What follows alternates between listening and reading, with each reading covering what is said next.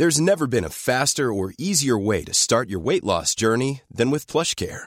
PlushCare accepts most insurance plans and gives you online access to board-certified physicians who can prescribe FDA-approved weight loss medications like Wigovi and Zepbound for those who qualify. Take charge of your health and speak with a board-certified physician about a weight loss plan that's right for you. Get started today at plushcare.com slash weight loss. That's plushcare.com slash weight loss. plushcare.com slash weight loss. Burrow is a furniture company known for timeless design and thoughtful construction and free shipping, and that extends to their outdoor collection. Their outdoor furniture is built to withstand the elements, featuring rust-proof stainless steel hardware, weather-ready teak, and quick-dry foam cushions. For Memorial Day, get 15% off your Burrow purchase at burrow.com slash ACAST and up to 25% off outdoor. That's up to 25% off outdoor furniture at burrow.com slash ACAST. Podplay.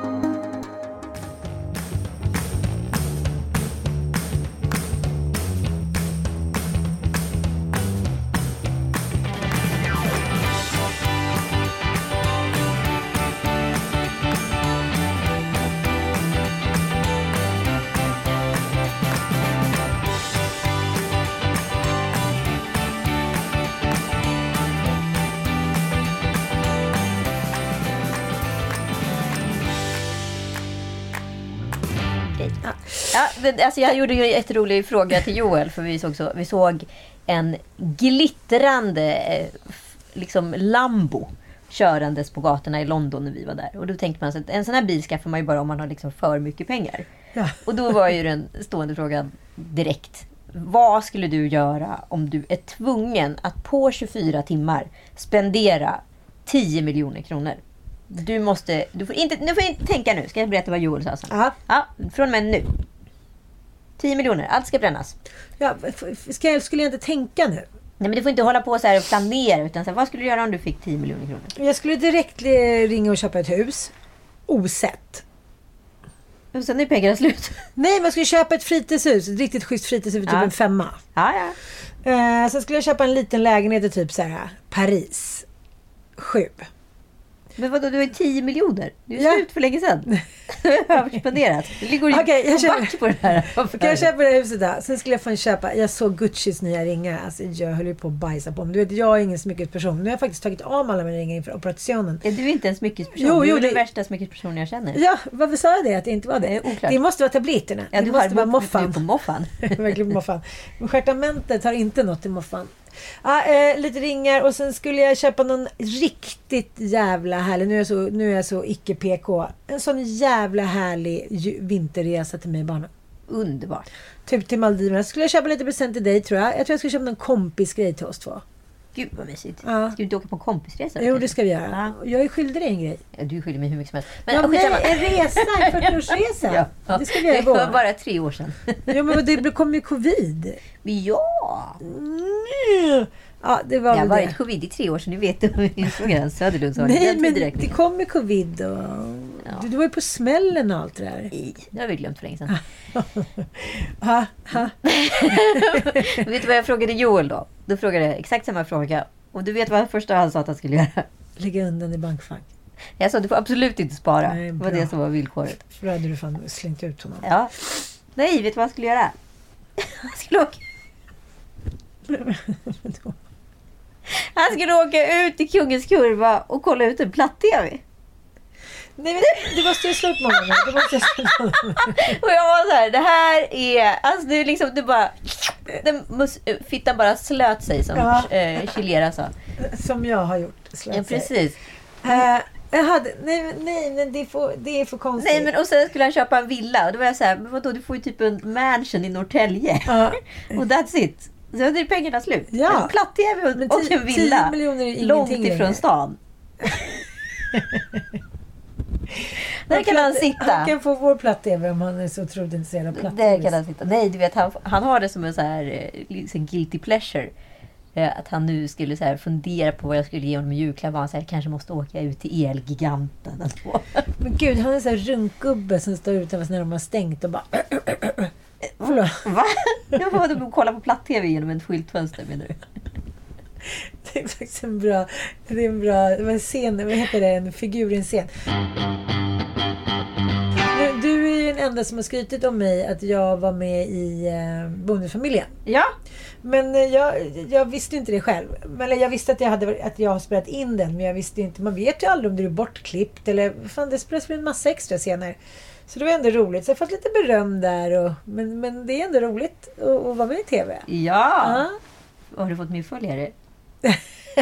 Det vet jag inte. Har du men- stigit i den Nej. nya Diva-laten efter den där stora debut? Bon, bonusfamiljen fans har hört av sig. Ah, okej. Kan du följa mig? Jag bara, "Ja, men du ska följa mig eller? Alltså, det, tiden då kändisskapet är reversed. Men kom du ihåg när jag blev tillfrågad om jag ville provspela och bli då eh, Ja, vi ingen som har missat det. Nej, just det. Den har du kanske inte pratat om. Jag Nej, tänkte mer nej. på lavin. Hur många gånger du bommade castingen. Är ravin, eller vad heter den? Ra- Lavin. Lavin? Ja, men kommer inte ihåg. Ja, just Avalanche heter den på engelska. Det. Ja, när jag spelade för det. Fan, då tyckte jag var riktigt bra. Ja, det var tydligen inte tillräckligt bra. Det kanske, men, men strunt i det nu. Jag har varit med i det. Nu ska vi också prata om dig då eftersom du tyckte att det här, var- det här var inte värt att nämna. Jo, ja, men vi är ju inte klara med din snippa än. Det är så mycket som Det är ska så avhandlas. verkligen mycket, mycket. Men, men vi, ja, vi börjar väl då med snippan. Precis. Snippidi-dipp, snippidi-doo Snippan är häftigare kan du tro Till och med på en gammal tant Snippan sitter där så elegant Eh, här ligger jag nu. På grund av snoppen. Ja, det blir ju det. Ja, Ja, utan den... Ja, jag skulle kunna bli blivit inseminerad, men, men det har jag ju inte. Nej. Men det beror ju inte på att jag har haft så många snoppar, utan det beror på det som snopparna Det tillfört. lät jävligt groteskt.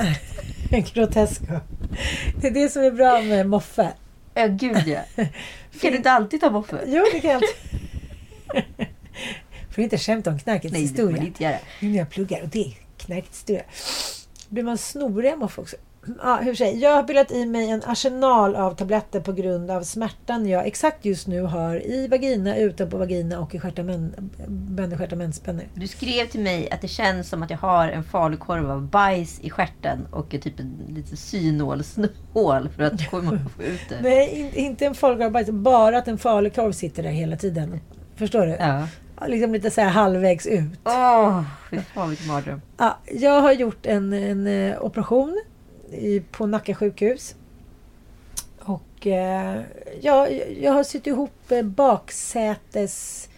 I baksätet. Sätesmusklerna i bakre slidväggen. Som sprack eller som gick isär då efter Frankedoniens, mästarens Fra, Frans sista ut, utväg. Och jag har liksom... Eh, du vet när man börjar känna helt plötsligt att det är, det är någonting som inte riktigt stämmer. Mm. Man springer, det känns som det liksom, jaha, är det någonting som ska falla ut?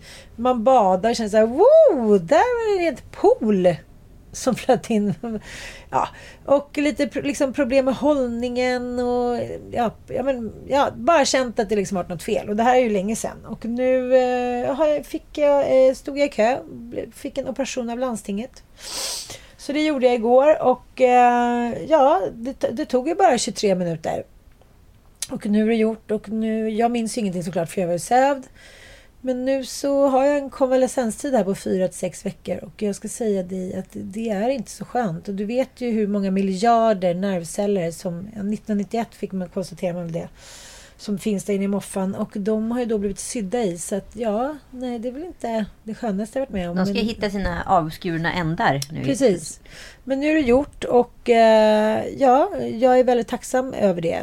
Det är många som har hört av sig. Jag lyssnade på en dokumentär i P1 häromdagen och du vet, det här förstör ju liksom liv såklart. Många som inte kan idrotta. Ja. Fick här av en tjej som sa jag blev så bitter när jag såg dig åka Vasaloppet och springa så här. Jag, jag kan inte ens springa en meter. Så jag har väl gjort det på ren vilja kan jag tänka mig. Ja, Ja. Nej, men du är ju också en ardenner. Ja, Nu ska du ju upp och åka Vasaloppet om ett tag. mm. får vi se hur det går. Ja, du med. Jag med. Precis. Jag gjorde min Eh, första eh, träningspass idag baserat på Vasaloppet. Och eh, jag gör det här med AXA. Jag tycker det är en rolig utmaning. Och så gjorde jag de här liksom, stakningsmaskinerna som finns på gymmet. Tänkte jag måste bara lära mig tekniken för de säger att det sitter mycket i mage och mycket liksom hur man rör sig och sådär. två kilometer trodde jag att jag skulle dö. Och vad är det Vasaloppet? 12 mil? Nio. Nio. Du kan ju köra tolv. Jag ju liksom inte stått Du är på... såhär dum dum och du bara fortsätter åka. Ja, jag har är- liksom inte stått på ett par längdskidor sedan jag var åtta år. Så gick jag till min PT som var så här otroligt upplyft över att jag skulle åka Vasaloppet. Alltså jag säger ja, man måste ju ha 250 mil skidor i sig. Måste jag åka till Norge och tillbaka? Nej, det behöver du inte. Det som, men, men det de säger är att spinning är bra. Ja, Lite samma liksom muskler för mage och snabbhet. Och sen så sån här skierg. Jag har ju en nere i Åsens gamla rum. gud vad bra. Har du använt mycket? Ja, så du kan gå ner och ställa dig där nu. Du kan komma och låna den. Ehm, och sen handlar det så jäkla mycket om teknik och att inte spänna sig liksom. Precis. För det är att man hela tiden använder den här lilla, är det här triceps eller biceps? Biceps tror jag. Och den är som en liten mjölkspoling. Så att man, det man ska göra är att man ska använda sida, bål, mage. Ja, det är en jävla massa Ja, teknik. men precis, för jag märkte att jag fick otroligt ont i liksom både ländryggen, Ja. Mm. utsida, baksida höft. Liksom. Alltså över skinkorna, liksom, men inte hela vägen ner. Nej, men jag tycker det var lite samma när jag cyklade um, Vätternrundan. Det är just att man får så jävla ont i ryggen. För Ja. man är inte van vid de här rörelserna. Ofta liksom sitter man halvböjd sådär. Det är konstigt alltså. Ja, vi måste klara det. Ja, vi ska klara det. Ja, det är kul oss. att du ska vara med också. Så- Ja, och jag, jag ska också åka upp ett spår fick jag höra. Vad sa du? Jag ska också åka upp ett spår fick jag höra. Är det sant? Ja, så vi kommer åka Ja, samtidigt. roligt. men, då, blir det ju, då är det game on alltså. ja, men det är roligt med Helvete vad jag ska träna. Ska du För det? att ta dig din lilla skata. Du är ju mitt driv där. jag kommer åka förbi dig. Fan vad sur jag blir. Jag förlorade ju pepparkakstävlingen och jag har slitit i två dagar. Jag hade ingenting för. Vadå, vadå? Men jag och Joel och barnen har ju årligen en pepparkakstävling. Ja, just det, just det, just det, just det. Ja, och då kom jag och Penny då briljant på att vi skulle göra Stockholms slott. Gjorde en skiss. Eh, målade upp. Jag satt och skar ut den här jävla skissen och gjorde alla sidorna. Brände mig på, som vanligt på jävla sockret. Eh, och liksom var ja, men sargad. Och jag hade gjort så mycket detaljer. Sen så på, på med den här glasyren så gick hålet sönder på du vet, spritsen. Det blev alldeles för stort så man såg inga detaljer. Och så går han och vinner pepparkakstävling med sitt köphus. Bara för att han håller på och fipplat med sina detaljer. Och han och Tom Allan. Jaha, men Ja. då är det, kör ni grupp, grupp eh, Ja, det är tävling? grupptävling och sen så är det omröstning på Instagram. Men gud vad roligt. Förra året vann jag, det var ju tur det. Ja, men... Jag är fortfarande sur. Ja, jag vet, jag vet, jag är vet. triggad av att Ja. du ska vara med. Men eh, det ska bli väldigt roligt att åka förbi dig, det tycker jag. Ja, okej. Roligt. Ska vi se när det sker. Ja! Men nu var vi inne på skådespeleri. Jag spelade alltså en, en poddintervjuare i eh, Bonusfamiljen. Jag intervjuade pappan Patrik och eh, den nya ärtan som har kommit till byn, nämligen Tuva Novotny. Precis. Mm, och det ser man ju vad, vad som... Vågar vi outa vem hon är ihop med? eller? Men jag fattar inte det. Varför kommer det inte ut för? Nej, det är ingen som vet. Hon har liksom varit tillsammans med Alex Sand... Alexander Skarsgård i två år typ. Ja, nej, men mer. Ja, typ och, tre. Och, och jag pratar med henne så här, hon bara, nej men det är ingenting som är hemligt. Det, det är bara liksom ingen som eh, verkar ha fattat. Det är jätteroligt. Ja. Två av Sveriges största stjärnor som har varit ihop Och, i flera och år. jag tycker hon är så vacker och hon är så kreddig och han är så cool som vågar vara ihop med liksom en ensamstående tvåbarnsmamma. Liksom. Att han vågar, men... Då, Nej men vadå? Joel- Det är ju inte den typen. Han är ju så här superskådis. Han kan ju få vem man vill. Mhm, du menar så? Ja, och så är han ihop med liksom en urskön brud. Nej, Jag tycker att hon är typ det snyggaste och Ja. det coolaste och det hetaste som någonsin har gått ett par skor. För fan vad hon är läcker. Och Alltså, hon är så vacker. Och så jävla gullig privat och härlig och enkel. Och, ja, jävlar. Men jag fattar inte. Jag förstår inte. Det är liksom det är som hon säger, det är ingen hemlighet. Men det är ingen som vet om. Nej, jag fattar Det är så ingenting. konstigt. Ja, eh, hur som helst. Du har ju också gjort någon form av skådespelar upp debut. Jajebux. Jajebubs. Alltså vi, det, det, för, jo, jag tror folk förstår. Men det här är så modigt av dig. Vi har ju båda pratat om det här i flera år. Ja. Eh, men att stå och ställa sig på en scen och leverera roliga kvickheter framför så här lite mini-ölmjuckad publik och liksom erfarna stuppare. Ja, men det är nog... Om, om Hades har sju stycken liksom levels, då tror jag att du är nere och nosar på sexan i alla fall. För att det är sån jävla utmaning att vara rolig inför publik. Ja. På beställning. Ja, men alltså jag har ju slipat på den här nu i senaste halvåret. Och den skulle ju skett i september. Och Ja. så blev det inte av för att det ställdes in. Eh, och sen så var det någonting då som hette liksom, tjejkväll. Man ska få testa nytt material och debutanter får testa. Så jag trodde liksom att det var en tjejkväll jag var där för. Ja. Nej, det var det inte. Det var alla komiker som fick testa nytt material oavsett rang. Så den som är Jaha. före mig på scen är Magnus Bettner. Rang. Hur kön menar du? Ja, men eller så här, ja, förlåt, ja, men, ja, erfarenhet eller Ja, liksom, ja, Magnus Bettner. är på scen innan mig. Nej, men, och du vet, så här, jag, liksom inte, jag var inte nervös förrän typ dagen innan. Då jag bara såhär, gud tänk om jag tappar något och tappar jag liksom ett stick så har jag ingen punch. Ja men du vet liksom. Så att så här, jag, men jag får ju stödja mig på pappret om jag vill men jag ska försöka undvika det i mesta möjliga mån. Men du är väldigt duktig på att, att beskriva saker och ting, hur man lägger upp det. Hur, hur lägger man upp en rolig ståuppa? Nej, men, Hur börjar man till exempel? men framförallt så gäller det ju att vara liksom i stunden. Dagen innan hade jag ju också klippt håret. Så först hade jag ju tänkt att jag skulle skämta någonting om det. Ja. Att så här, det är kanske många här inne som känner igen mig. Från Ja. indiska Harry Potter. Nej, inte det. Ah, jag glömde glasögonen. Bara liksom som någon Ah, ah, form ah. av så här, komma igång. En mjuk uppvärmning. Sen så tänkte jag också att så här, för mig är det också viktigt att så här, jag skulle vilja vara liksom mycket grövre och så. Men det är en alldeles för stor risk när man är debutant. Jag fattar. Ju mer känd, ju mer grov kan man vara. Ja men precis. Ja, men så är det faktiskt. Eh, men också så här, det blir ju enorm fallhöjd ifall jag skulle vara så pass grov. Och var Ah, jag så här, men ah. gud såg du vad Anita Clemens gjorde? Ah, var inte klok i huvudet. Så jag tänkte så här också, när jag bygger den här stand-upen då måste jag ju börja med att ta en ganska låg ansats. För att då sänker ju folk medvetet sina, omedvetet sina förväntningar. Ja, och garden. Ja precis, då är de så här, ja men ah, kul, putslustigt skämt. Men sen så liksom bygga upp till någon form av klimax. Vi hade sex minuter på oss. Runt Vi, var det någon mer? Ja men det var ju flera tjejer och killar som körde. Jaha, Så alla lite hade sex minuter. Var? Ja. Och då körde du hela sex minuter? ja. Eh, Så du bygger upp till kli- klimax runt fyra minuter. Surfa på det, få folk att skratta. Dra ner dem igen och sen så avsluta med en vass grej. Och hela min standup handlar om hur mycket jag älskar män. Det betyder att det var en ironisk sammanfattning utav det. Okej, ska vi lyssna lite då? Ja. Nej, nej, nej, vänta, vänta. Eh, och det som händer innan är ju att Magnus Benér är på scenen. Och han skämtar om Memo, bland annat. Ni vet den här eh, hälsningstjänsten. Jag har aldrig lyckats koppla in den, men jag är också med i den. Ja. Eh, och jag kommer då på att, så det, vänta, jag ändrar mitt öppningsskämt. Min gliring till Magnus. Det är ganska bra, för då adresserar man de som är i rummet på något sätt. Jag fattar, jag fattar. Det var bra. Ja, så då öppnar jag så här. Några här inne som känner igen mig från Memo. Magnus, du kan få en personlig rabatt på.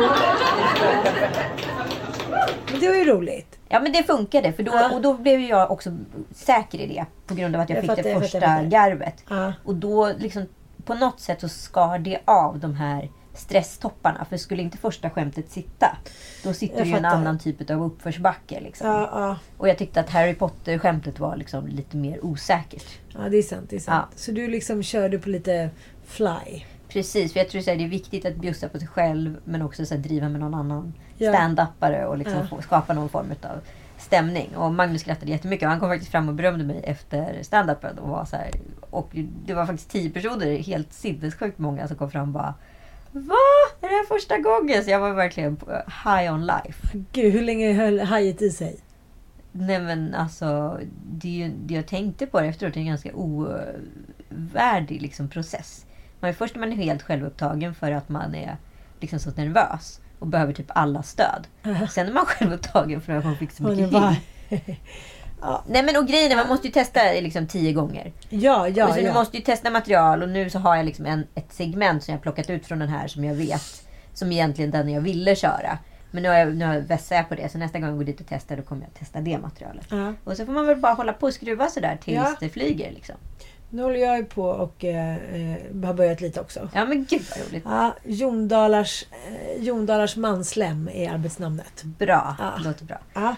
Framförallt vi... relatable. Precis. Alla som läste Grottbjörnens folk runt 1982, de kommer att skratta jättemycket. Ja, lever de fortfarande?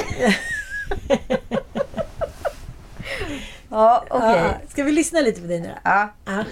Jag tänker rätt ofta på det där med gangbang faktiskt. Alltså det är ju rätt sällan när jag ligger med min sambo, här någonstans, eh, som jag tänker Det där var trevligt. Nu vore det ju fint med nio kukar till.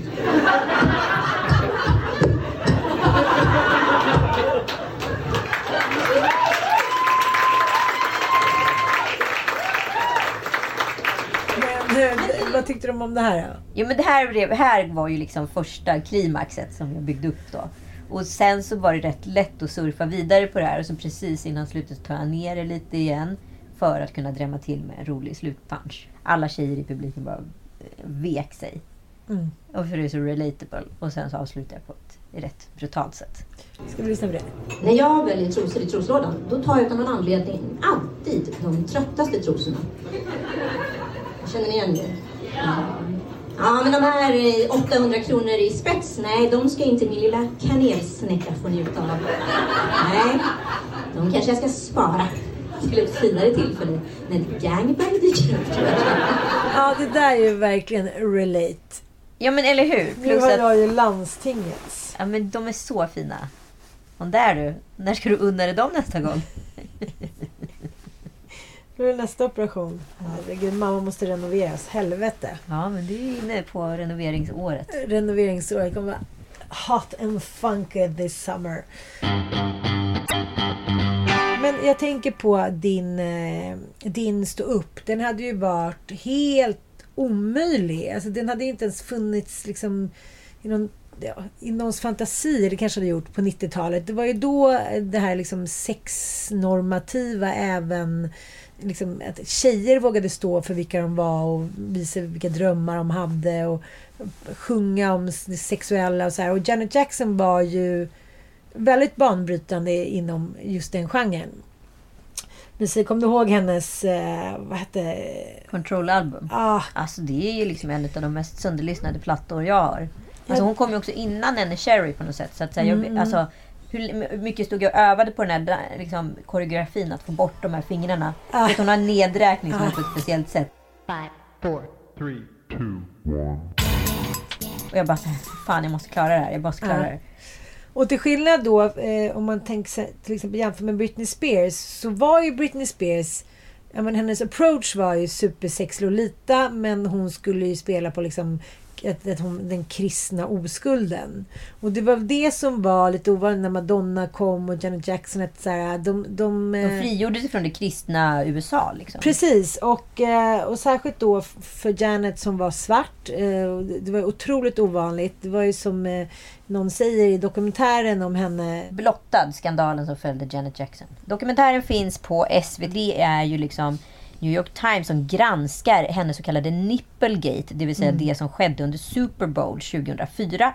Det var liksom egentligen, ja, när hennes karriär som hade gått spikrakt uppåt bara tvärdog på, ja, mindre än, vad var det, 20 hundradelar. Jag kan väl inte säga att, att kanske att, att det här förstörde hela hennes karriär. Nej, men det var ju, hon var ju liksom bannlyst från alla radiostationer. MTV vägrade spela henne för grejen var att det var MTV som var ansvariga för The Pepsi Super Bowl halftime show. Alltså det är ju deras liksom eh, ja, stora musikframträdande som alla liksom olika artister idag kör. Och det är liksom ett stort tillkännagivande och det är en ära och så vidare att ha det här. Men på den tiden så var det MTV som var ansvariga för det här. De hade gjort ett rep, ett tekniskt rep, men inte så mycket mer. Det som sker är att Justin ska ju då liksom... Ja, han ska riva av någonting på hennes bh, men hon har ingen bh under, så hon Precis. blottar bröstet. Det är 140 miljoner amerikanska tv-tittare och det här är liksom en av de populäraste familjeunderhållningarna. Barnen sitter där. Alltså när du ser det bildproddat, då är det dessutom från avstånd som tur är. Så man ser ingenting mer än att man ser liksom outlinesen på hennes bröst. Och det är så kort så man fattar inte vad det är.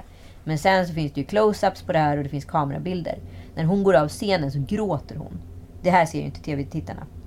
Eh, men det är alltså kaos. Det är alltså någonting som har gått fel. Eh, och, och ingen riktigt har så här kunnat säga exakt vad som gick fel. Nej, men, men, men, men sen börjar de sen börjar det tvistas om så här, gjorde de det som en PR-kupp eller blev det ett misstag eller var det ett misstag hit och dit. Men, men det som händer är att Janet Jackson blir så hårt jävla liksom, skandaliserad. Och det, liksom, hon hamnar i ett sånt drev som är helt, helt jävla oproportionerligt. Hon blir liksom svartlistad från, eh, från eh, både radiostationer och MTV som själva är så här supersexistiska.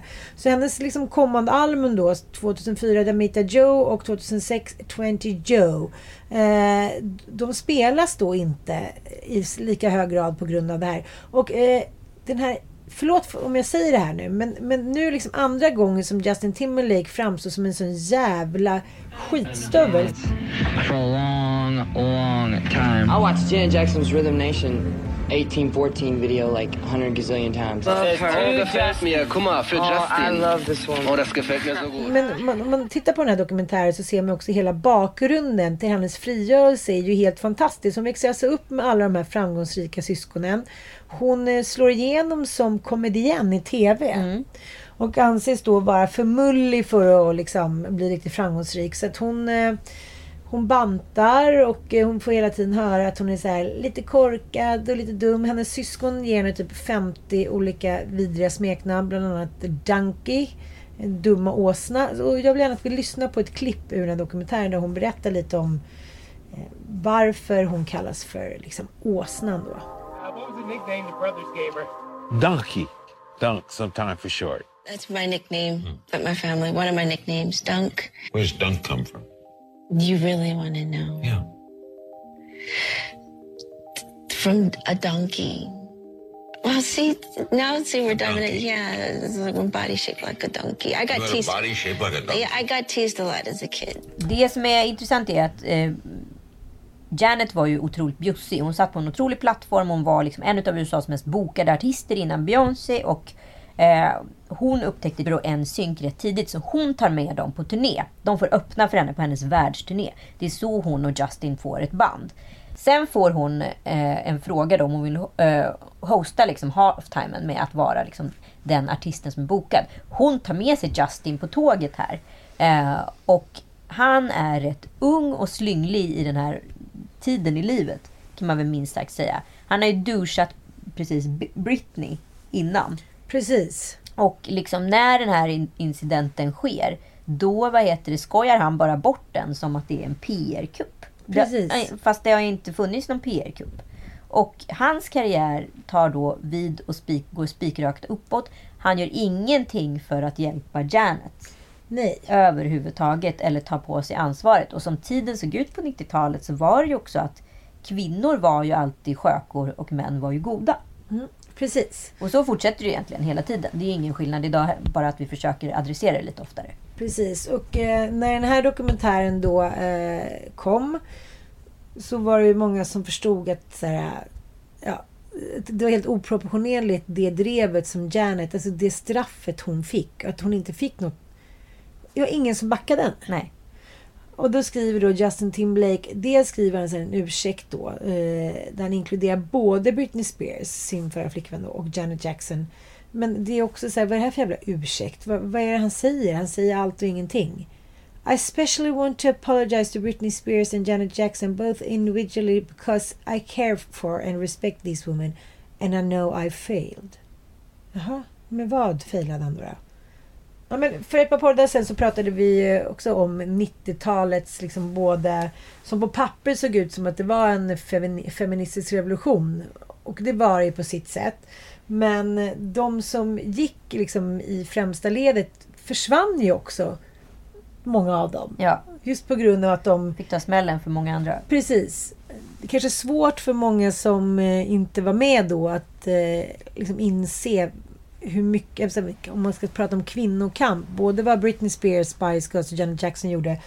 Janet Jackson eh, växte ju upp i liksom i en, vad ska man säga, i en... eh, Patriarkal struktur som är liksom ingenting utav det vi ser idag. Utan Nej, helt nej, nej. annat. Hon jobbade alltså eh, på TV där alla som anställde henne, eller alla som hon jobbade för, var vita, rika, medelålders män. Mm. Det fanns liksom inget... Eh, det, fanns ingen, det fanns inget mångfald på det sättet. Nej, hon det var ju inte ditkastad för att hon skulle vara den bruna representanten. Och Precis. det var ju liksom väldigt tydligt för henne att hon var det. Nej, dessutom blev hon ju extremt bodyshamead och fick banta då för att få ha kvar sina roller och fick alltid höra att hon liksom var för tjock och för mullig och hit och dit. Och precis som i alla andra fall så var hon en helt vanlig ung tjej liksom. Det här med body shaming, det har ju ständigt varit liksom eh, ett inslag i, i, men, i all liksom, nöjesindustri. Men Ja, men, eh, hela den här industrin var ju väldigt uppbyggd på att hon var liksom ett objekt bland ja, så här, Du är den mörkhyade, flickan för att liksom Mm. göra det här normaliserat i den vita världen. Och då får vi ett bättre samvete så då kan vi gå vidare. Och eh, att vara den mörkhyade bruna flickan som också var lite knubbig. Det var ju rätt provokativt och prövande. Och liksom framförallt så var ju inte folk direkt rädda för att kommentera det här. Hela 90-talet var ju också en så extremt kroppsfixerad era. Nu var ju den här tv-serien 80-tal. Så att så här, det började ju redan där. Men 90-talet var det ju liksom, du, alltså du få, fick inte ha ett BMI högre än 23 som tjej. För då var du liksom per se knubbig. Precis. Och vi pratade ju om det i förra veckans podd. Natalie som då är eh, ja, Prime Minister, alltså Hugh Grants karaktär i Love actually. Blev, liksom hela hennes liksom, karaktär börjar ju med att hon berättar för premiärministern att hennes kille precis har dumpat henne för att han tyckte att hon hade fått för feta lår. Och, och lite senare i filmen får man ju reda på att hennes pappa kallar henne för Plumpy. Och det är för att hon har då varit kurvig. Of course. Right. Uh, well, perhaps you should uh, come on later, Plumpy. Natalie. Och i, med dagens mått mätt så ser vi att det här är en fullt liksom, normalbyggd tjej. Men i 90-talsögonen så var ju det här en riktig nubbis. Liksom. Och det var ju liksom absolut förbjudet på 90-talet. Eh, När Kate Moss ideal rådde. Eh, ja men alltså det var ju så sjukt. Och den här kvinnan är ju fortfarande en liksom verksam skådis idag. Hon heter... Martini McCutcheon. Ja, och eh, nu har ju hon då blivit bodyshamead igen. Fast på ett helt nytt sätt. Genom att vara för smal. Och det är ju inte speciellt konstigt att man kanske blir för smal när man fått höra under exakt hela sitt liv att man är för knubbig. Eh, och det här har då eh, den kända bloggaren Paris Hilton plockat upp. Och Martin säger ju då i en gammal intervju att så här, People spoke about me like I was a piece of meat and I couldn't believe it's still going on these days and this age. I'm sure people still say horrible things but it's like water of a duck's back because I have an anchor within myself, säger hon i ett citat. Eh, If I choose to be a size 10 or a size 16, it's my choice. Women's weights fluctually the constant comments on size is boring. Eh, hon får ju nu jättemycket skit för att hon är för smal. Och jag kan ju bara tycka att så här, man får inte kommentera vikt överhuvudtaget. Om det är någonting man vill diskutera med sina liksom, vänner på kammaren eller sin partner och så vidare. Det är, det är helt okej. Men skriv det för fan inte i sociala medier. Och framförallt inte till personer som behöver veta om vad man tycker om människor. Men, men det är ju faktiskt också bara kvinnor som tycker till om kvinnor. Ja, men, nej, fast det är inte samtidigt så här, Tänk på alla som kommenterar kvinnor eller män som gör liksom botox eller håller på. Men liksom Men så fort en man så här eh, gör en karaktär då som tunnhårig eller någonting. Då är han jävla hyllad hjälte om man nu har rakat av sig håret för rollen eller vad det nu är liksom. Alltså, kvinnor får inte förändra sitt utseende men män får alltid cred när de gör det. kan vara sexig som eh, lite överviktig som Leonardo DiCaprio. Men Mm. kvinnor får shaming. Och så pågår det ju hela tiden liksom. Ja, men det här gäller ju även, eh, gällde även Lena Dunhams. Hon är en av de som har pratat helt öppet om att leva med endometris. Och, eh, och hon har också verkligen genom åren ifrågasatt våra vanliga, liksom, vad vi har för kroppsideal. Och det här har hon också fått en massa skit på. Hon opererade ju bort livmodern i februari i 2018 och skrev då en fantastisk text i Vogue om, om, ja, men, om vad som hon hade varit med om och sådär. Hon ville att hon ville ha ett barn men att kroppen då inte ville det. Ja, och sen åkte hon ju på någon eh, liksom, otrolig vokad avrättning Precis. av en journalist som ansåg att hon var liksom, typ en eh, molester. Då. Mm. Eh, och hur hon betedde sig mot folk i hennes cast och så vidare. Och eh, hur, vad hon ville nu göra med tjejer. I den här, liksom, vad ska man kalla det, rätt, många, många grejer i metoo var jättebra. Men vissa grejer var rätt märkliga också. För att det var sånt ursinnesflod på något sätt. Precis, precis. Så det är fortfarande, tycker jag, att ett, eh, budskapet är att som kvinna ska man liksom hålla sig inom vissa ideal. Man får inte vara för si och inte vara för så. Man får inte vara Och kvinnor är också väldigt bra på att säga till andra kvinnor hur, Ja. det, hur det går till och hur man Precis. ska göra det. Ja. Nej men om man ska säga så här, body positive eh, var ju ingenting som fanns på 90-talet. Jag kan tänka mig att det var jävligt ensamt för de här kvinnorna som liksom gick i, i bräschen. För det fanns, det fanns inget annat. Det var bara det ett enda ideal som fanns. Och följde man inte det så uh, hamnar man i sådana här drev som Janet Jackson gjorde. Och, eh, Ja, och varför fanns de här dreven då? Jo, men det fanns för att det fanns liksom tio supermodeller. Det var så här man Mm. skulle se ut och man ville bli älskad, lyckad, framgångsrik och så vidare. Mm. Och jag tror att, jag, sen vet jag inte om det stämmer, men jag, jag är ju övertygad om att den mångfalden vi ser idag i sociala medier, även om det är en digital era där många exponeras, så tror jag att den är väldigt mycket mer positiv än, än vad de idealen vi växte upp med. Jag har aldrig hört min dotter ens nämna liksom, vikt eller kropp eller någonting. Och Mm. liksom, jag känner sig otroligt liksom, bekväm i sig själv. Och det är inte ens en faktor i hennes liv.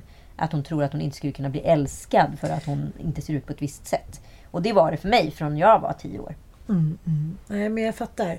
Och det som är så jävla sorgligt det där med Janet Jackson. Eh, nu visar det sig att det här var ett misstag. Att de inte hade planerat att eh, Justin skulle dra ner liksom bhn på Janet. Men då blir det liksom ännu mer provokativt och vidrigt av Justin att det ska ta så här 20 år innan han ens- öppnar käften till hennes försvar när han såg vilka jävla drev hon hamnade i. Men hela den här händelsen eh, var ju också början på att de högerkonservativa startade en jävla kamp för att då sätta stopp för eh, ja, men, sexuella anspelningar, grovt språk och jada jada i, liksom, i tv, tidningar, film och liknande. Och, så att det var hon som liksom fick bära hundhuvudet för typ all konservatism i hela USA under några år. Ja, det var ju intressant för det var ju en man då i, eh, i vad heter det, parlamentet som eh, var då också afroamerikan som då uttalade sig och sa just så här.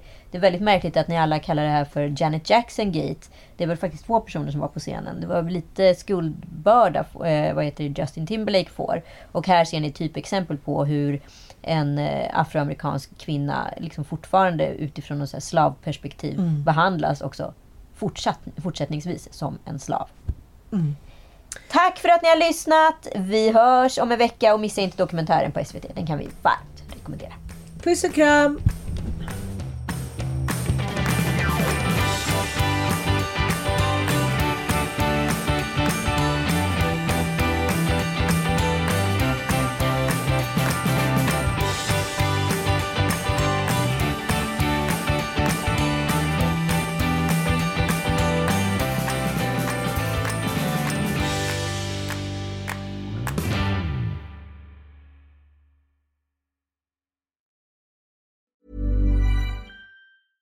Cool fact a crocodile can't stick out its tongue. Also, you can get health insurance for a month or just under a year in some states. United Healthcare short term insurance plans, underwritten by Golden Rule Insurance Company, offer flexible, budget friendly coverage for you. Learn more at uh1.com.